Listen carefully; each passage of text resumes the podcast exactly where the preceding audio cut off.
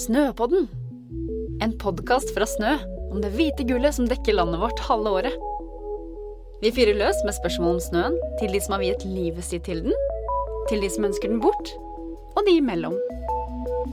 Snøpodden, en podkast fra Snø med Lise Røisland.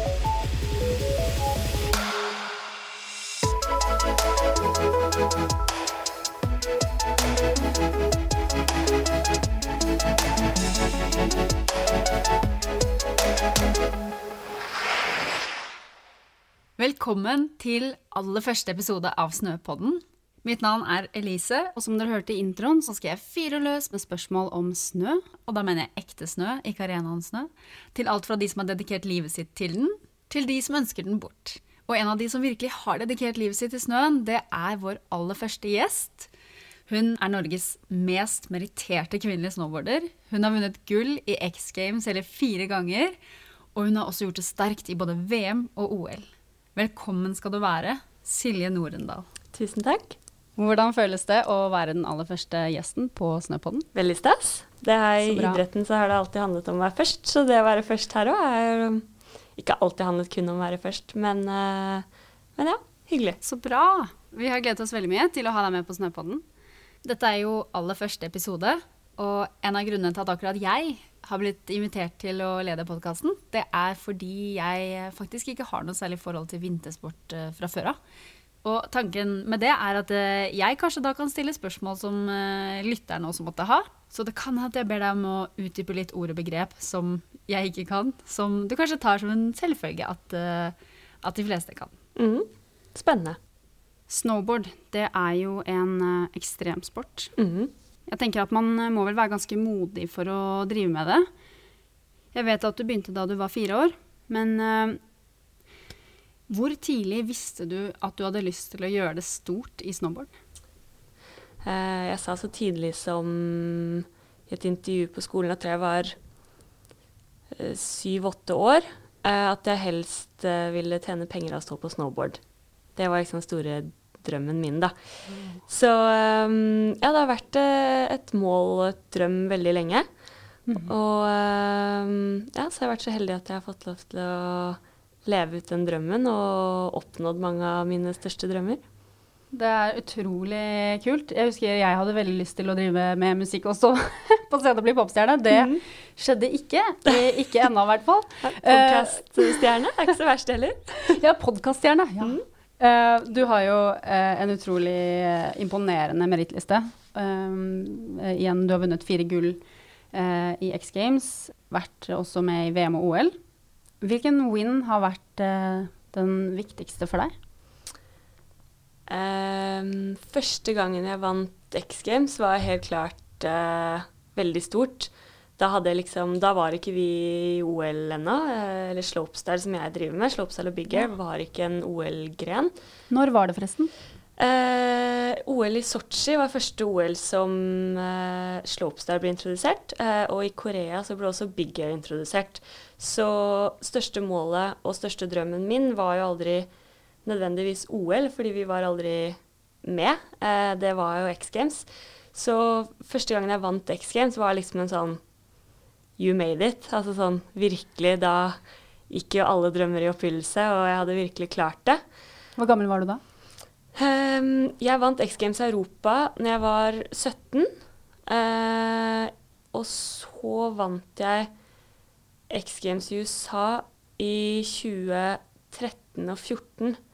Uh, eh, og det var den just Altså, Europa var liksom Det er stort, og det uansett for meg. Altså, jeg var 17 år, og det var liksom der liksom pangstartet det litt for meg, da. Mm. Um, men det å vinne uh, i 2013 i Aspen, Colorado, som mm. X Games er, det er liksom virkelig våre største event uh, hvert år uh, når det ikke er OL-sesong.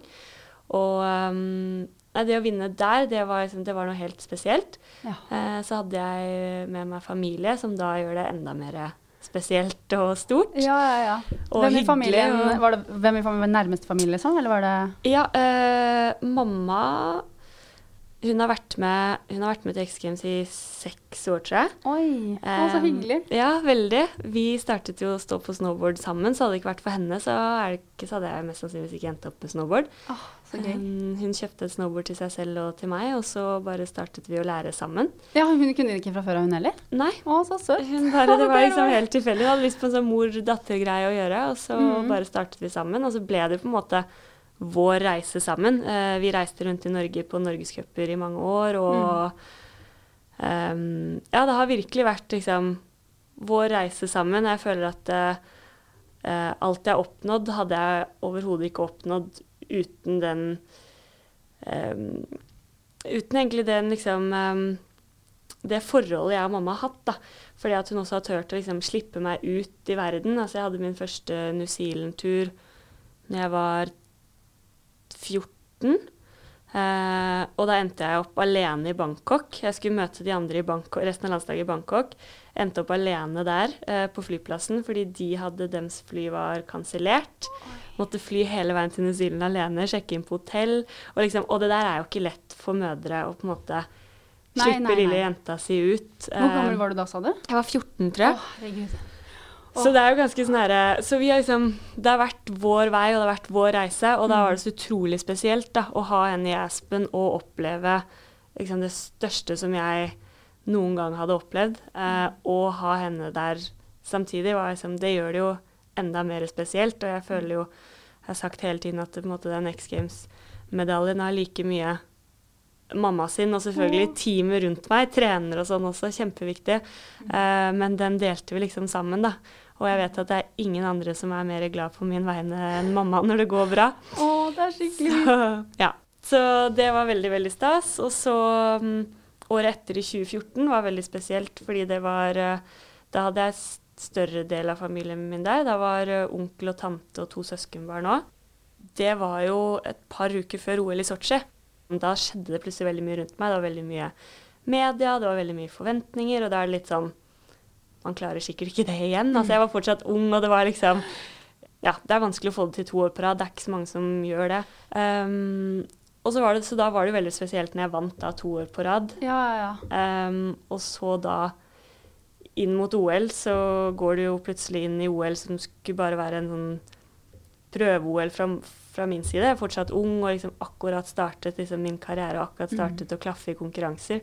Uh, og så gikk jeg jo, siden jeg da vant X Games et par uker før, inn som en ganske stor favoritt til å gjøre det bra, da. Mhm. Så det var noen eh, liksom, intense år som det skjedde mye, og veldig spennende. Jeg er utrolig takknemlig for de, ja. de årene. Um, det har jo vært et eventyr. Ja, veldig spennende å ha opplevd så mye så tidlig i livet. V- eh, Blir jo litt nysgjerrig på på en måte resten av livet ditt nå. Hva er det du måte ser for deg? Liksom, har du noen nye mål som er sånn Å, hei, jeg er så gammel, så skal jeg ha gjort den tingen. Er det andre liksom, sporter, andre hobbyer, andre ting du liksom nå vil gjøre? Nei, jeg tror um, Jeg gleder meg bare til liksom, et, sånn, et nytt kapittel. Fordi For meg så er det alt jeg kjenner til, er toppidretten. Og snowboard-Silje, toppidrettsutøver Silje. Um, så jeg er jo veldig spent på hvem jeg kommer til å være når alt det er ferdig. Ja. Det blir på en måte kanskje den største utfordringen for meg. Ja. Um, det nye kapitlet etter toppidretten. Når er det du tror på en måte toppidretten for deg vil være ferdig? Nei, det er jeg litt usikker på. Um, nå har jeg vært skadet i åtte måneder. Uh, jeg brakk eh, begge leggbeina og ankelen. Uh, når jeg sier begge leggbeina, så er det da i høyre fot. Så jeg brakk Ja. ikke begge, okay. begge føttene. Ja. uh, det gjorde jeg i februar i, i år. Ja. Det um, var en skikkelig smell. Og um, jeg sliter med den skaden og er litt spent på hvordan veien videre ser ut om dagen. Så um, toppidrettssilje fortsetter hvis kroppen uh, sier at det er greit. Uh, Ja. Men samtidig så begynner jeg å merke at uh, jeg har vært heldig og opplevd utrolig mye, og jeg har nådd veldig mange av målene mine. Um, OL har selvfølgelig vært et stort mål som jeg med fjerdeplassen jeg fikk sist gang, så har ikke jeg oppnådd det jeg vil i OL. Eh, så det er det eneste Hvis ikke jeg får et OL til, så eh, er det det eneste jeg kommer til å sitte igjen med at jeg syns er litt kjipt. Eh, men jeg har veldig mye en utrolig fin reise å se tilbake til uansett. Absolutt. Største utfordring for meg er liksom egentlig å finne ut eh, tror jeg, videre Hvem er du? Når Ja, dette ikke har- er identiteten på samme måte. Ja, jeg har liksom ikke helt det. ikke sant? De fleste har kanskje hatt eh, hoppe i fallskjerm eller gå Gaustatoppen eller altså, kanskje litt mer enn det er Mount Everest eller Mens for meg så blir det rett og slett bare litt sånn å finne ut hvem er eh, Silje Norendal uten snowboard. Men det blir veldig spennende å se hva, hva du finner på. Og, men fortsatt så kan det jo være at du er med i OL også. Det Absolutt. blir veldig spennende å se. Krysser fingrene for at du blir bra igjen. Takk for det. Jeg tenkte uh, å høre litt med deg. Uh, jeg har hørt litt forskjellig om snowboardmiljøet. Mm. Um, men før jeg nevner litt sånn uh, hva jeg har hørt, mm. hvordan vil du beskrive snowboardmiljøet i Norge? Jeg liker egentlig Altså i Norge en stor familie, men også internasjonalt en stor familie. Em, jeg har blitt, uh, særlig som jente, i en veldig sånn mannsdominert idrett, så um, utenom OL så kjenner vi ikke så veldig på det med landegrenser. Uh, vi er liksom alle gode venner, Uh, og ja, noen av mine største konkurrenter er også noen av mine nærmeste venninner under en konkurranseuke så prater vi masse sammen, gir hverandre tips og råd. Det tror jeg også er ganske sånn Det tror jeg ikke mange andre idretter gjør. Um, og forståelig er det, at man skal liksom ikke gi konkurrentene sine tips og råd. Men jeg lever veldig på det at noen ganger så trenger jeg, jeg litt hjelp, eh, og andre ganger trenger andre hjelp. Så jeg er der for de når de trenger hjelp, og så har jeg lagt merke til at de er der for meg når jeg trenger hjelp. Så det er litt sånn For meg så har det vært en vinn-vinn-situasjon å bare alltid dele ting og heie på, på til og med de største konkurrentene. Eh, og så er det liksom Du ønsker jo bare å være best, så du ønsker egentlig at alle andre har en like bra dag som deg, men du er bare bedre enn de. Ja, du vil jo ha verdige konkurrenter, på en måte. Det er sånn OK, jeg har gjort deg så bra du kan bli. Jeg er så bra jeg kan være nå. Go for it. Ja. Ja, men ikke sant? Det, det er jo det kuleste når du vinner, når? Ingen kjører ut, altså ingen faller, ingen, når alle har stått og alle Ja. har gjort sitt beste, og Ja. du vinner, det er jo Altså for alle andre så er jo Uansett hva som skjer i et OL, vinner du, så vinner du. Om alle andre har falt, det er det ingen som husker på en måte to år senere. Men som utøver så er det jo Det er noe annet når virkelig bare det har klaffet for alle, men du er bare bedre enn alle. Mm. Det er liksom virkelig toppen av det. handler liksom mer om du liksom vinner, men du vinner enda litt mer. Ja, ja, ja. Det høres utrolig hyggelig ut at, det er så, at ja, dere heier så mye på hverandre. Ja, det er kjempehyggelig, men jeg tror liksom det med å faktisk dele tips med konkurrenter, det, det er ikke så vanlig. Nei, du tror ikke det? Nei, det Hvorfor tror jeg tror ikke. du det er sånn? At det er snowboard er mer sånn enn eh, alpint og langrenn? eh? Jeg tror det har litt med eh, systemet rundt. Eh, altså Hvis du tar alpint f.eks., så er det store trenerteam rundt utøverne. Og det er det vi merker i OL òg, at da er det større team rundt oss og større rundt, rundt alle eh, nasjoner. Så det blir mer avstand mellom dere som konkurrerer, på en måte? Ja, fordi da kommuniserer du jo med, med teamet ditt og, og trenerne dine. Eh, mens når vi ikke Jeg liker jo egentlig når vi utøverne liksom står sammen, da, at det ikke er tre trenere og filmere på kuler og liksom folk overalt, fordi da lener vi oss til hverandre. Og det syns jeg er veldig fint. Så jeg har full forståelse for at andre idretter um, ikke gjør det. fordi vi gjør ikke det vi heller hvis vi har store apparater rundt oss, men veldig ofte så er det liksom en trener, og så selvfølgelig de andre utøverne på ditt landslag. Vi hjelper jo hverandre masse. Eh, men det er noe med ja, Sånn som meg, da, som har vært liksom eneste jenta på landslaget i veldig veldig mange år, så har jo ikke jeg noen andre jenter å gå til. Så da er det veldig hyggelig å kunne gå til egentlig din største konkurrent og få Ja. hjelp derfra. Ja, ja, ja. Ah, det høres jo veldig hyggelig ut, da. Man får liksom litt sånn, sånn lyst til å være med i I gjengen. snowboardmiljøet. Ja. Men hvordan er det for en som ikke har stått så mye, å på en måte komme inn i miljøet? Særlig hvis man er litt sånn eh, litt oppi åra Eller ikke oppi åra, jeg er sånn 31, liksom. Hvis man, hvis man ikke har vært med fra man var da tenårene, da. Mm. Hvordan er det å skulle begynne nå? Ja, det er det jeg syns er fint med snowboard. At eh, det er en veldig inkluderende idrett. eh, og og det er mye karakterer i snowboard, som jeg tror også er veldig sånn Det er veldig Du er velkommen uansett eh, hvem du er, hvordan du ser ut, hva liksom Det er um, Det er veldig liksom inkluderende for alle. Um, og det har vi jo sett uh, her på Snø òg. Så har det vært uh, mye brettkvelder, og jeg ser liksom uh, filmer derfra som du ser bare Det er bare lek og moro, og det er så mye forskjellige folk og karakterer som bare Og i alle aldre, fra liksom veldig unge til eldre, som bare har det utrolig gøy sammen, da. Og det er jo vi veldig opptatt av, at det er det snowboard og egentlig idrett bør handle om. Den leken og det å ha det gøy. Eh, og samholdet. Og jeg synes det er veldig kult å se Jeg syns man har sett det veldig godt her. At det her er det sikkert mange som ikke kjenner hverandre fra før av, men som møtes her på disse brettkveldene. eh, I alle aldre. Og liksom bonder sånn uten at eh, de kjenner hverandre fra før, eller Og uansett nivå. Og uansett På- nivå, ja. ja. Uansett hvor mye du tryner, så Ja, men det er liksom, det har jeg alltid sagt, og at det sånn Fordi vi har snakket mye om det er, um, det er alltid veldig bra å konkurrere mot eller ha, trene med folk som er bedre enn deg. Men jeg syns også det er fint å trene med Jeg trenger ikke nødvendigvis å ha folk som er bedre enn meg for at jeg skal pushe meg selv. Jeg trenger bare folk uh, rundt meg som pusher seg selv. Så om det er på en måte på et mye lavere nivå, så kan jeg fortsatt se om du bare skal ta dine to første svinger, da. Um, eller skal hoppe på et ikke sant, minste hoppet her, da. Som for meg er veldig Det er veldig stor kontrast å hoppe på det hoppet og det vi hopper på. Men da se, hadde jeg sett i deg at det, du pusher deg, og liksom det her krever mye fra deg, at da må jeg gjøre noe som krever mye fra meg også. Så um, Så bra. Jeg tror jeg må komme meg litt ut i bakken her, merker jeg. Jeg har ikke stått siden jeg var i tenårene.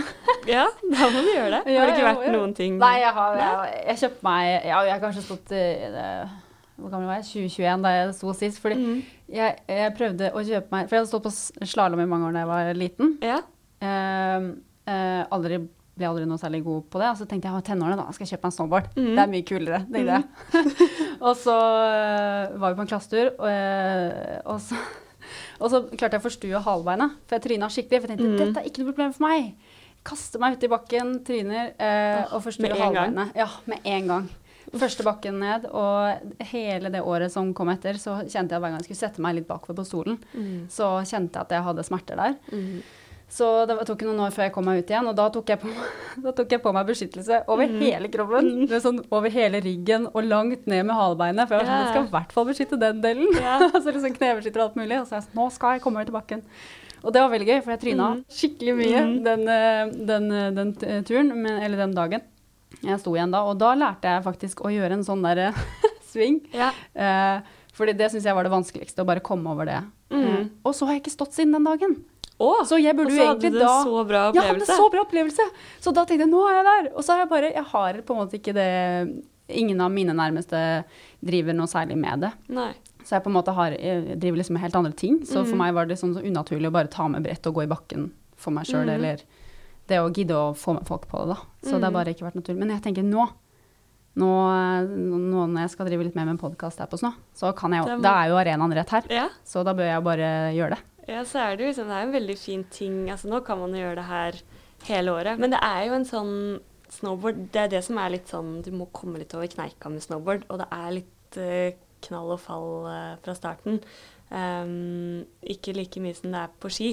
Så det er litt det å liksom komme seg over den første kneika. Men da tror jeg det er veldig det å liksom ja, Enten med venner, men det å liksom det, Bruke instruktør tror jeg er veldig fint et par ganger fra starten. Mm. Eh, og utnytte systemet med klubbkvelder, brettkvelder. Altså eh, Snowboardforbundet gjør mye sånne forskjellige ting. Jentecamper, liksom. Og bare melde seg på og bli med der, da. Mm. Det er mange på din alder også som er med på disse jentecampene. Ja. Og det er jo bare en gøy ikke sant? Det er Ja. bare en gøy Viken på Geilo, eller Ja, ja, ja. ikke sant? Og bare sånn for at eh, folk skal komme seg ut, og istedenfor å liksom ligge på spa og drikke vin, da, Ja, ja, som, ja, ja. som vi selvfølgelig kan gjøre hele vinteren også, Ja, så bare gjøre noe annet, da. det er fort det jeg gjør istedenfor. Nei da. Ja, men det er fint, det òg. Jeg Ja, syns absolutt det. Men uh, bare så tror jeg sånn, ikke sant, snowboard vi- Når du kommer litt over kneika, så tror jeg den, jeg vet at det kommer til å gi deg ekstrem mestringsfølelse. Mm. Og det er jo noe de fleste mennesker uh, leter etter og prøver å finne. Mm. Og da er snowboard en veldig fin vei eh, mot det. Ja. Å, så gøy! Nå ble jeg litt så gira. Nå skal jeg ut i banken igjen. Så bra. Ja, det er veldig bra. Angående eh, jenter, du nevnte jo at du har vært den eneste På landslaget. ja, på landslaget. Hvor Mhm. mange gutter er det? Eh, det har vært litt til og fra, men stort sett så har det vært bare meg og så fra liksom åtte til ti gutter. Eh, og så sikkert rundt ti gutter med Mm. trenerne, da. Så ganske sånn eh, Ja. jeg, har jeg har vokst opp med mye gutter. ja. Hvorfor tror du at det er eh, så mange flere gutter enn jenter som driver med snowboard? Eh, det er nok fordi det er en ekstremsport, eh, og litt mer Det er ikke å skyve under en stol at gutta er litt tøffere enn oss. Eh, I hvert fall har litt sånn Vet ikke, jeg tror de i hvert fall liksom terskelen på liksom det å slå seg, og det er ikke så Det er noen som skrur seg på hodet til jentene som ikke skrur seg på hos uh, gutta. Eh, Det var så sunn fornuft. Ikke kast deg utfor det fallet her. Ja. Jo, men det er noe med det. Jeg, tror liksom, og jeg har faktisk hørt også at det, siden vi kvinner skal videreprodusere, så har du en litt sånn der innebygd Så derfor så er vi i i natur litt mer redde og skeptiske til ting. Mm. Det er en litt større tankeprosess som går gjennom våres hode før vi hopper på det hoppet, enn hos gutta. Mm. Så jeg tror liksom, sånn er det med alle ekstremsporter. Er det mannsdominerte eh, idretter. Så hva er det som gjør at det, for deg så eh, Holdt jeg på å si Mangler du den tingen flest eh, damer har, liksom? Eller? Nei, nei det, er det, det er det jeg syns er så fint med min historie. Da, fordi jeg ser på meg selv som em, en ganske pysete jente, egentlig. Altså sånn ikke noe veldig normal jente. Em, grunnen til at jeg har blitt så god, er fordi at jeg har jo hatt et mål hele veien, og jeg har hatt veldig, veldig lyst til dette. Uh, og jeg gir sjelden opp på ting hvis jeg først har bestemt meg for noe. Uh, men så er det liksom det at uh, jeg har holdt på med det så lenge, så jeg har bare lagt stein for stein, og så bygget et hus. Ja. Um, så det, har liksom, det skjedde jo ikke over natta. Jeg trengte ikke å bli tøff over natta, og jeg har virkelig Jeg bruker mye lengre tid på ting enn det mange av konkurrentene mine gjør. Um, men så har det også vært litt fordel til at det, når det er litt dårlig vær, forholdene er litt vanskelige, um, og når jeg først kan ting, så kan jeg det godt, da. Eh, fordi jeg har sett litt på de konkurrentene som er litt tøffere, så kan det hende at ok, de kommer seg litt fortere frem, men kanskje de ikke står på beina like ofte, da. Eh, men jeg, jeg pleier å sammenligne med liksom, hvis du løper én kilometer hver dag i 20 år, så har du alltid lyst til å løpe litt fortere. Ja.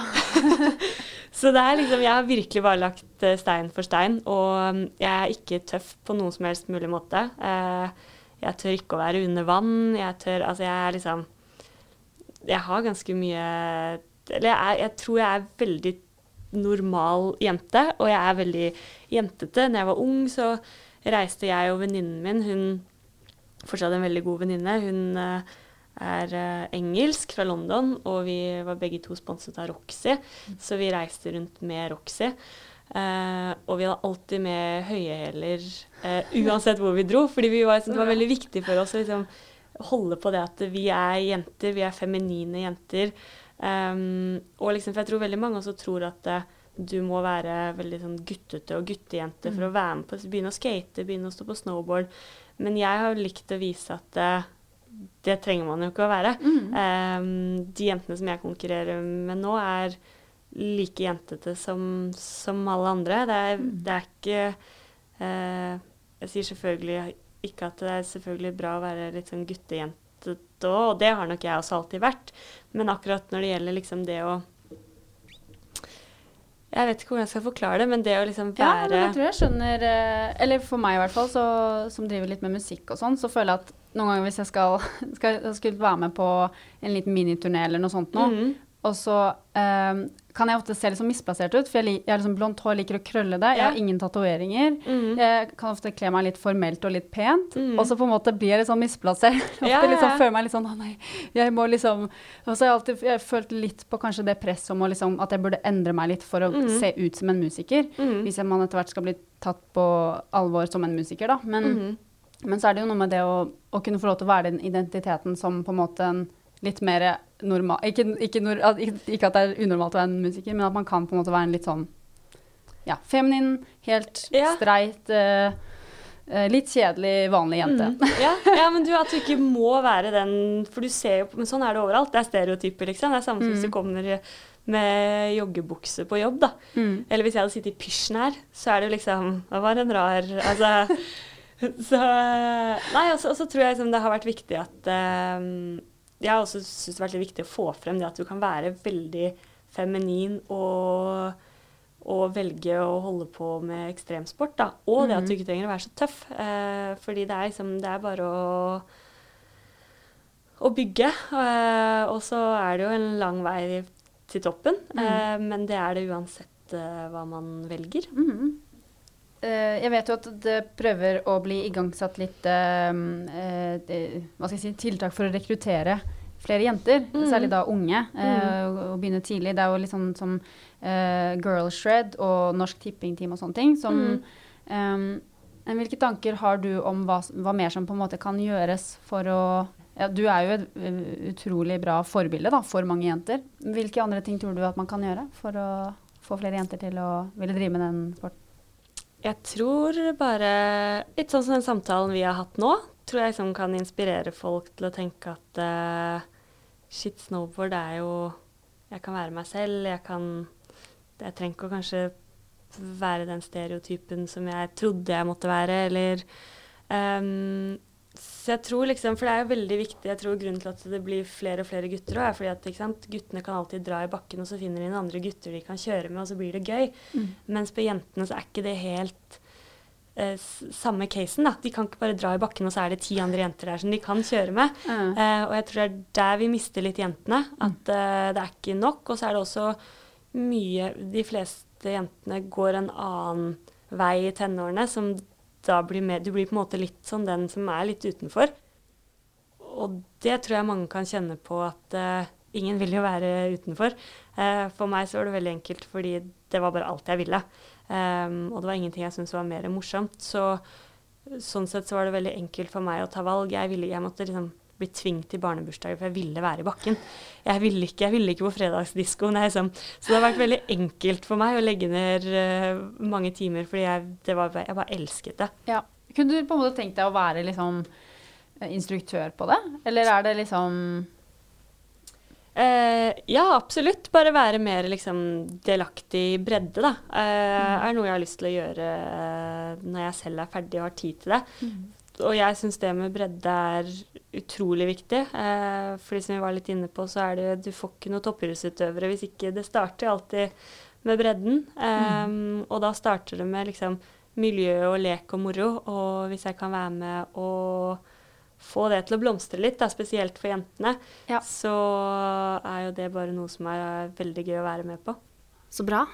Um, jeg har sett at du har eh, over 300 000 følgere på din Instagram-konto. Mm. Hvor viktig er synlighet i eh, sosiale medier for deg som snowboarder? Nei, altså man lever jo av, og kanskje særlig snowboard, eller toppidrettsutøvere lever jo av å, å markedsføre seg selv. Ehm, og selvfølgelig, du må gjøre det bra for å kunne markedsføre deg selv. Landslaget dekker ikke alt for oss. Eh, Landslaget dekker trenere og bo, mens vi kjøper heiskort og flybilletter og mat. Og, så du må ha et ganske stort budsjett for å kunne reise rundt og være med på alle konkurranser. Og, og da er man jo avhengig av sponsorer. Og jeg tror nok derfor også at folk byr litt ekstra på seg selv, da, fordi at eh, det er jo en måte å um, ja, bygge karakter og bygge et merkevare. Eh, og få nok penger inn i kassa til å gjøre det du elsker å holde på med. Da. Ja. Så, eh, men for, for min del så har det alltid vært liksom Som jeg sa før vi begynte i dag, så er det sånn Jeg gruer meg aldri så veldig mye til intervjuer, eller fordi eh, jeg er bare meg. Mm. Eh, og det samme prøver jeg å være i sosiale medier. Eh, og jeg har aldri på en måte eh, Sosiale medier har jeg vært veldig heldig med at det på en måte har bygd seg litt selv. fordi når du presterer Jeg gikk jo fra den Når jeg vant X Games i USA i 2014, rett før OL, så sa jeg jo at da var det veldig mange kanaler som begynte å snakke om meg som en favoritt til å vinne eh, i Sotsji. Og da gikk jeg jo opp eh, over 100 000 følgere på en uke. Wow. Så jeg har på en måte fått det gjennom sporten og, og bare da gjennom hvem jeg har vært hele veien. Det som er viktigst for meg, er at jeg alltid liksom holder litt på også det idrettsprofilen, og ikke blir helt influenser. Um, Mm. Fordi når du gjerne um, gjør et sponsorat med idrettsutøvere, så er det liksom lengre sponsorater, og det er mer Nå skal jeg ikke liksom kjøre over influensere, men, men litt mer genuine samarbeid, da. Ja. Uh, det er det vi er vant til som toppidrettsutøvere, og det er det jeg også selv liker. Det er liksom forskjellen på utøvere og influensere. Det er mye mer sånn ett produkt her og ett produkt der, og så samme produkter med et annet merke to måneder etterpå. Sånn er det ikke for oss, da. Ehm, for jobben handler jo ikke heller kun om det å være synlig i sosiale medier. Det handler jo også om å prestere. Selvfølgelig. Og det er jo sånn vi, vi tjener penger, og det er jo veldig bra at vi har fått en plattform til å tjene penger på, siden det er, som jeg sa, at eh, vi trenger en del penger for å, Mm. å få hjulene til å gå rundt. Ja. Hvor, hvor ofte Eller hvor mye av på en måte hverdagen din i en uke er eh, jobb? Og hva gjør du Hva er jobb? ja. Du lever, for du lever 100% av å være snowboarder, ja. ikke sant? Mm. Ja. ja det Du gjort. jobber ikke på Rema eh, nedi her i tillegg? Nei. Jeg men- jeg har sett deg. Nei da. Nei, jeg jobbet litt når jeg var yngre. Ja. Ehm, men jeg har vært uh, veldig heldig som har hatt uh, sponsorer som har støttet meg hele veien. Jeg startet uh, når jeg var 14 med å få et reisebudsjett av Roxy på 10 000 euro. Og da dekket jo det reisene mine det året. Mm. Ehm, og så det, og så begynner du ikke å tjene penger. Det er det som er også litt vanskelig med sporten vår, at du må være du må være god for å tjene penger. Um, det holder ikke å være topp ti, du må gjerne være topp fem. For da er du den som er inn og ut av pallen ofte. Da tjener du bra med penger, men uh, før det så er det ganske vanskelig. Um, men jeg har vært uh, veldig heldig og hatt uh, Eller jeg har vært heldig, men jeg har også jobbet veldig hardt for å oppnå, eller, oppnå de resultatene jeg har hatt. Da. Ja, ja. Eh, så man sier jo veldig, og det er kanskje politisk korrekt å si at man er liksom veldig heldig, men jeg er veldig sånn på at du, du lager din egen flaks, eller Ja, sånn Jeg er helt enig. Ja. Så Ja, eh, absolutt. Jeg tror, jeg tror veldig, veldig mange kan gå der ute og på en måte ha en, en drøm om, og en, et ønske om å bli stor innenfor noe, men så mm. vet de ikke hvor mange timer det faktisk krever å legge ned i det. Sånn som du sier, du mm, fra du var liten sa egentlig at du ikke ville være med på barnebursdagene fordi du ville heller stå i bakken. Og Mm. den, det å hele tiden prioritere og jobbe og jobbe og jobbe. Jeg tror ja, det, er, det er veldig viktig å huske på det. At det er ikke sånn at det bare er flaks nervøs. Hvis du virkelig, virkelig vil det, så kan du få det til. Mm. Ja, det er, det er liksom Det er vilje, og det er Mm. uh, mye jobbing. Så, men selvfølgelig, jeg har hatt uh, det er flaks med at, eh, ikke sant, at jeg akkurat vant X Games før OL, da. Uh, og, og jeg har hatt veldig bra samarbeidspartnere og, mm, og team rundt meg. Altså, man kan jo noen eh, ha plutselig dårlige trenere, eller jeg har hatt fantastiske trenere. Og um, ja, et støtteapparat som har vært veldig bra. Så jeg har jo eh, sånn sett vært veldig heldig som på en måte har kommet inn i et system tidlig som har fungert veldig bra, og som har støttet meg hele veien. Det er veldig imponerende alt du har oppnådd. Det er, um, det blir spennende å se hva, hva du gjør videre også. Ja, det er veldig rart å begynne å tenke på, på seg selv utenfor idretten. Jeg tror For meg så blir det bare største utfordringen sånn som hvem er jeg ser, Når jeg ser på i media, så er det liksom Snowboard-Silje. Ja, altså, hvem er bare Silje? ja det blir litt sånn um, Litt sånn som sikkert folk egentlig går gjennom når de er fra 18 til 25, da. Ja. Der kommer jeg litt mer sånn når jeg nærmer meg 30. Ja. Eh, men det er noe som jeg tror alle utøvere går gjennom. Og det, og det, men jeg elsker utfordringer og elsker nye ting, så det blir jo også liksom spennende. Ja, ja, ja. Litt Ja. skummelt, men spennende det òg. Ja.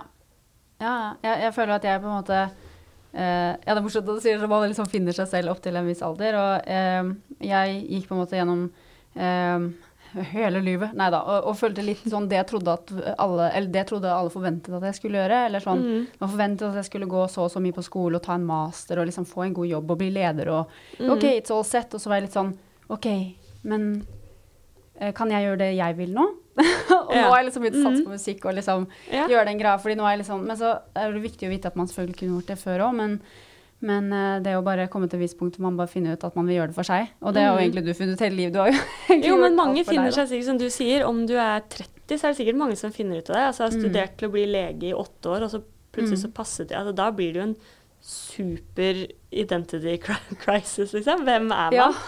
Så det er nok liksom, folk går jo sikkert gjennom det her hele tiden. Ja. Um, og det er jo spennende, men ja. jeg tenker at det er, kan jo hende det er ganske forskjell på Silje nå og Silje om fire år. Absolutt. Ehm, men det er liksom det, Jeg vet ikke helt Nei, selv nei, heller hvem den Silje er, og det er jo Det er uh, rart og spennende og ja. Ja. Sikkert veldig mange som kjenner seg igjen, akkurat som du Ja, sa. ja, ja. Absolutt. Jeg tror det. Det er jo litt sånn spennende fordi du vet at du kommer dit. Mens mange andre er litt sånn at man ikke helt vet at man skulle havne der, at man får en litt sånn identity crisis, da. Mm. Eh. Men jeg, jeg har alltid sagt at jeg er veldig heldig, fordi at jeg, har fått, jeg føler at jeg kommer til å få leve to liv. Ja.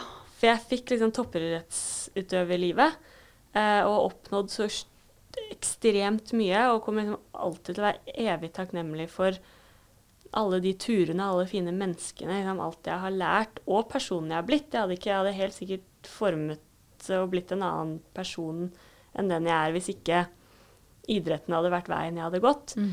Um, og så kan jeg begynne på liksom, et helt annet kapittel som er kanskje mer arbeidsliv, familie. Altså, Mhm. jeg tenker at jeg er kjempeheldig som har fått opplevd eller får oppleve begge de to tingene. Fordi Ja. de fleste har jo ett liv, og det, og det skjer jo selvfølgelig mye spennende på veien i et langt liv.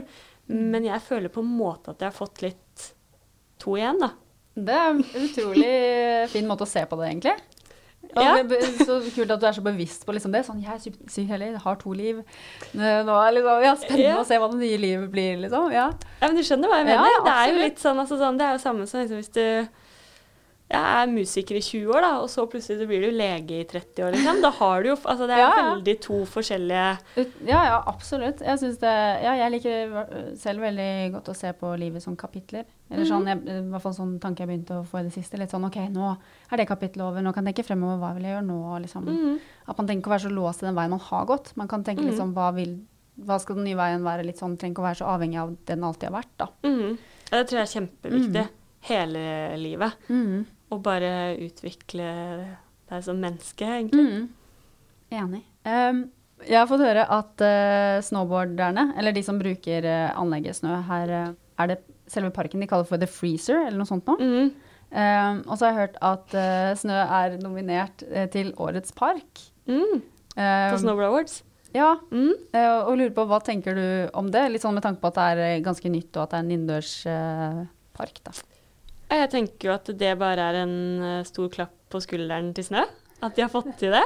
Eh, og så sier det jo mye å bli nominert der. Det er mange bra parker i Norge. Mm. Eh, jeg kan jo si at eh, jeg liker parken og de gjør noe riktig, men da er det jo Jeg har jo ikke kjørt her så mye, så jeg har vært her Ja. noen dager, da. Eh, Pga. skaden, så har du Ja. ikke fått testa det ordentlig og Um, sånn, eller? Nei, jeg var her en del i januar, fordi jeg, jeg har hatt egentlig en helt grusom sesong. Jeg Ah. tok skulderen ut av ledd i desember, så da var jeg liksom rehab-periode litt i januar. Eh, og da var jeg en del her. Eh, og det var jo helt topp, og da kunne Mm. Fordi da var jeg liksom sånn Jeg skulle ikke kjøre så mye, men kunne teste litt med skulderen. Og, og da var det helt supert å kunne dra hit eh, et par timer. Så da var jeg her en del før jeg dro ut igjen og brakk beinet noen uker senere. Men, eh, men eh, jeg, har, jeg har vært veldig heldig med skader, altså. Men det året her var liksom Du er så positiv. Ja. Det er sånn 'jeg har vært heldig, jeg har vært heldig'. Jo, men jeg har det. Jeg, jeg har egentlig det. Og så bare ikke sant? Når én ting skjer, så baller det på seg, og så Mm. Ja. Så har jeg vært veldig uheldig nå, da. Men, uh, men eh, Unnskyld at jeg ler Det var Første gang du sa faktisk ordet uheldig også, så følte jeg at det var ja. ja. men, uh, men tilbake til Nå hoppet jeg egentlig litt ut av hele Nei, nei, det, det gjorde ikke noe. Um, Men fikk- Vårets park, ja. Ja. ja. Det er jo en bra park, og jeg har forstått at uh, de er veldig flinke til å vedlikeholde. Og jeg syns det er veldig kult at de har Det er de har tråkkerne. Ja. Mm. Jeg har snakka litt med de, så vi vurderte å ha en episode med de òg. ja. Veldig sant, hyggelige fyrer. Ja. Det er kjempeviktig, da. Og så Mm. er det viktig at de har en god dialog med snowboarderne, eller Brettforbundet, mm. eller liksom, og at de hører på oss. Og det tror jeg Brettforbundet og jeg vet landslaget er veldig fornøyd med at eh, det er et veldig fint samarbeid her. Mm. Og de hører på feedbacken som vi gir, og det er det ikke alle som gjør. Og jeg mener at hvis de hører på feedbacken vår som har så mye erfaring, så blir det jo bra. Ja, så bra. Uh, du har vært en del i media, som du nevnte. Du har jo blitt liksom snowboard-Silje. Mm. Er det noen uh, saker som har vært der ute som du følte at ble uh, feil frem, eh, fremstilt av deg? Mm, jeg hadde en veldig kjip sak under OL. Eh, som var liksom første gangen jeg så den negative siden av norsk media. Eh, fordi norsk media er ganske snille. Eh, de, de kan ikke skrive om ting hvis ikke det blir godkjent. Og ja, de har, jeg har alltid egentlig hatt ganske mye positivt. Jeg har aldri fått veldig mye negative meldinger. Sånn sett og kjempeheldig på liksom, sosiale medier, og at jeg er ikke en av de Sikkert tilbake til også der, ikke sant? Det er jo fordelen med å være toppidrettsutøver og ikke influenser på sosiale medier, er at du får stort sett bare hyggelige kommentarer og folk som heier på deg. Um, men under OL så hadde jeg en kjip eh, jeg hadde en, um, Under OL så får du jo utstyr fra sponsoren din, eller så har landslaget en sponsor som gir deg din liksom, OL-outfit. Og det er veldig mye strenge regler med merker. Det kan være lite merking, og logoene kan ikke være for store, og masse sånt. Og så hadde jeg en Jeg var da sponset av Under Armour og hadde en Under Armour-hals. Um, og der hadde jeg et stort Under Armour-merke rett under haken. Så det var veldig synlig. Uh, men det lå i min Olympic package fra Under Armour, og de har jo vært OL-sponsorer for veldig mange la land, og liksom, jeg tenker sånn, de har jo det her on lock, de vet jo om Mm. alle disse reglene. Så hadde norsk medie funnet at det er ikke lov, det er ikke lov til å ha noe logoer på hals, så de lagde en, det er bare, der er det ikke det er sikkert fordi det er for synlig, så uansett om det er liten Ah. logo, så er bare ikke det lov. Det er veldig mange regler under OL. Um, Men du stolte jo på de, selvfølgelig. Ja, jeg fikk bare Ja, ja. den pakka, og jeg bare Jeg tok med meg det utstyret som jeg hadde fått, Mm. Um, og tenkte ikke så mye Fordi logoen var innenfor uh, logostørrelsen, men det er bare det at på neckwarmer så var det bare ikke lov. Mm. Um, og da lagde de en sak på at det, jeg kjørte med den under slopestyle-finalen og under Big Air-kvaliken for da egen vinning, fordi jeg promoterer jo sponsoren min bedre enn de andre med at eh, ble så synlig. Å ja, det var en strategi av deg. Ja. Og Ja. det syns jeg var ganske sånn fordi, Og de gikk også så langt som å Jeg tror de liksom også gjorde da IOC bevisst på det, som styrer OL. eller IOC er liksom de som fordi bryter du reglene, så kan du bli kastet ut av OL. Å, og særlig sånn, Det er derfor logoer og sånn er kjempeviktig. Um, og det gjorde jo da at jeg snakket jo ikke med de personene resten av OL, fordi de liksom virkelig De prøvde nesten å få meg kastet ut. Herregud. Eh, og bare måten jeg ble fremstilt på i media, at liksom jeg var en sånn derre pengeperson altså sånn, Det ble bare være så feil fra hvem jeg er. Ja, ja. Og liksom, så, så det var ganske sånn Også under OL, for jeg har alltid vært sånn De er jo veldig flinke til å skåne deg under OL, men jeg har alltid vært veldig sånn at eh, Ja, ja, men jeg er jo bare meg. Det er ikke så mye Ja. negativt folk skriver. Og liksom, OK, kanskje de ikke er fornøyd med hvordan jeg presterer, men det er mest sannsynligvis ikke jeg så veldig fornøyd heller. Så ja. det har liksom aldri vært et press fra meg, for jeg har alltid hatt større forhåpninger til meg selv enn noen andre. Ja. Og der jeg blir mest skuffa enn noen andre. Og plutselig så, Så- følte du at de liksom angrep deg Men som jeg- en moral, Ja, og din moral karakter, og karakter, liksom. på en måte. Ja, Ja, og det syns jeg var Fordi OK, sportslig, da, så er det Men det var liksom veldig personlig. Og Ja. meg, ja, meg som person. Og det syns jeg var um, det var tøft. Og så Ja, var. OL tøft for meg. Jeg gikk dit med et mål om å ta medalje. Det er liksom det jeg mangler. Og jeg endte på fjerde- og sjetteplass. Mm. Og det er liksom fjerdeplass er sånn Altså det er det verste du kan få som utøver i OL. Um, jeg har jo sagt at jeg ville heller vært ti enn fire, liksom. Mm. Men jeg vil jo heller være fire enn ti. Um, men der og da så er det liksom fordi I hvert fall sånn som når jeg har de resultatene jeg har, da, så er det liksom ikke Jeg skriver ikke på lista mi at jeg har en fjerdeplass i OL. Nå har jeg bare vært med på to OL. Ja. Um, så Nei, så det var liksom tøft. Da fikk jeg først den, med en fjerdeplass som liksom virkelig er bare Fjerdeplass i OL er bare døveste som fins.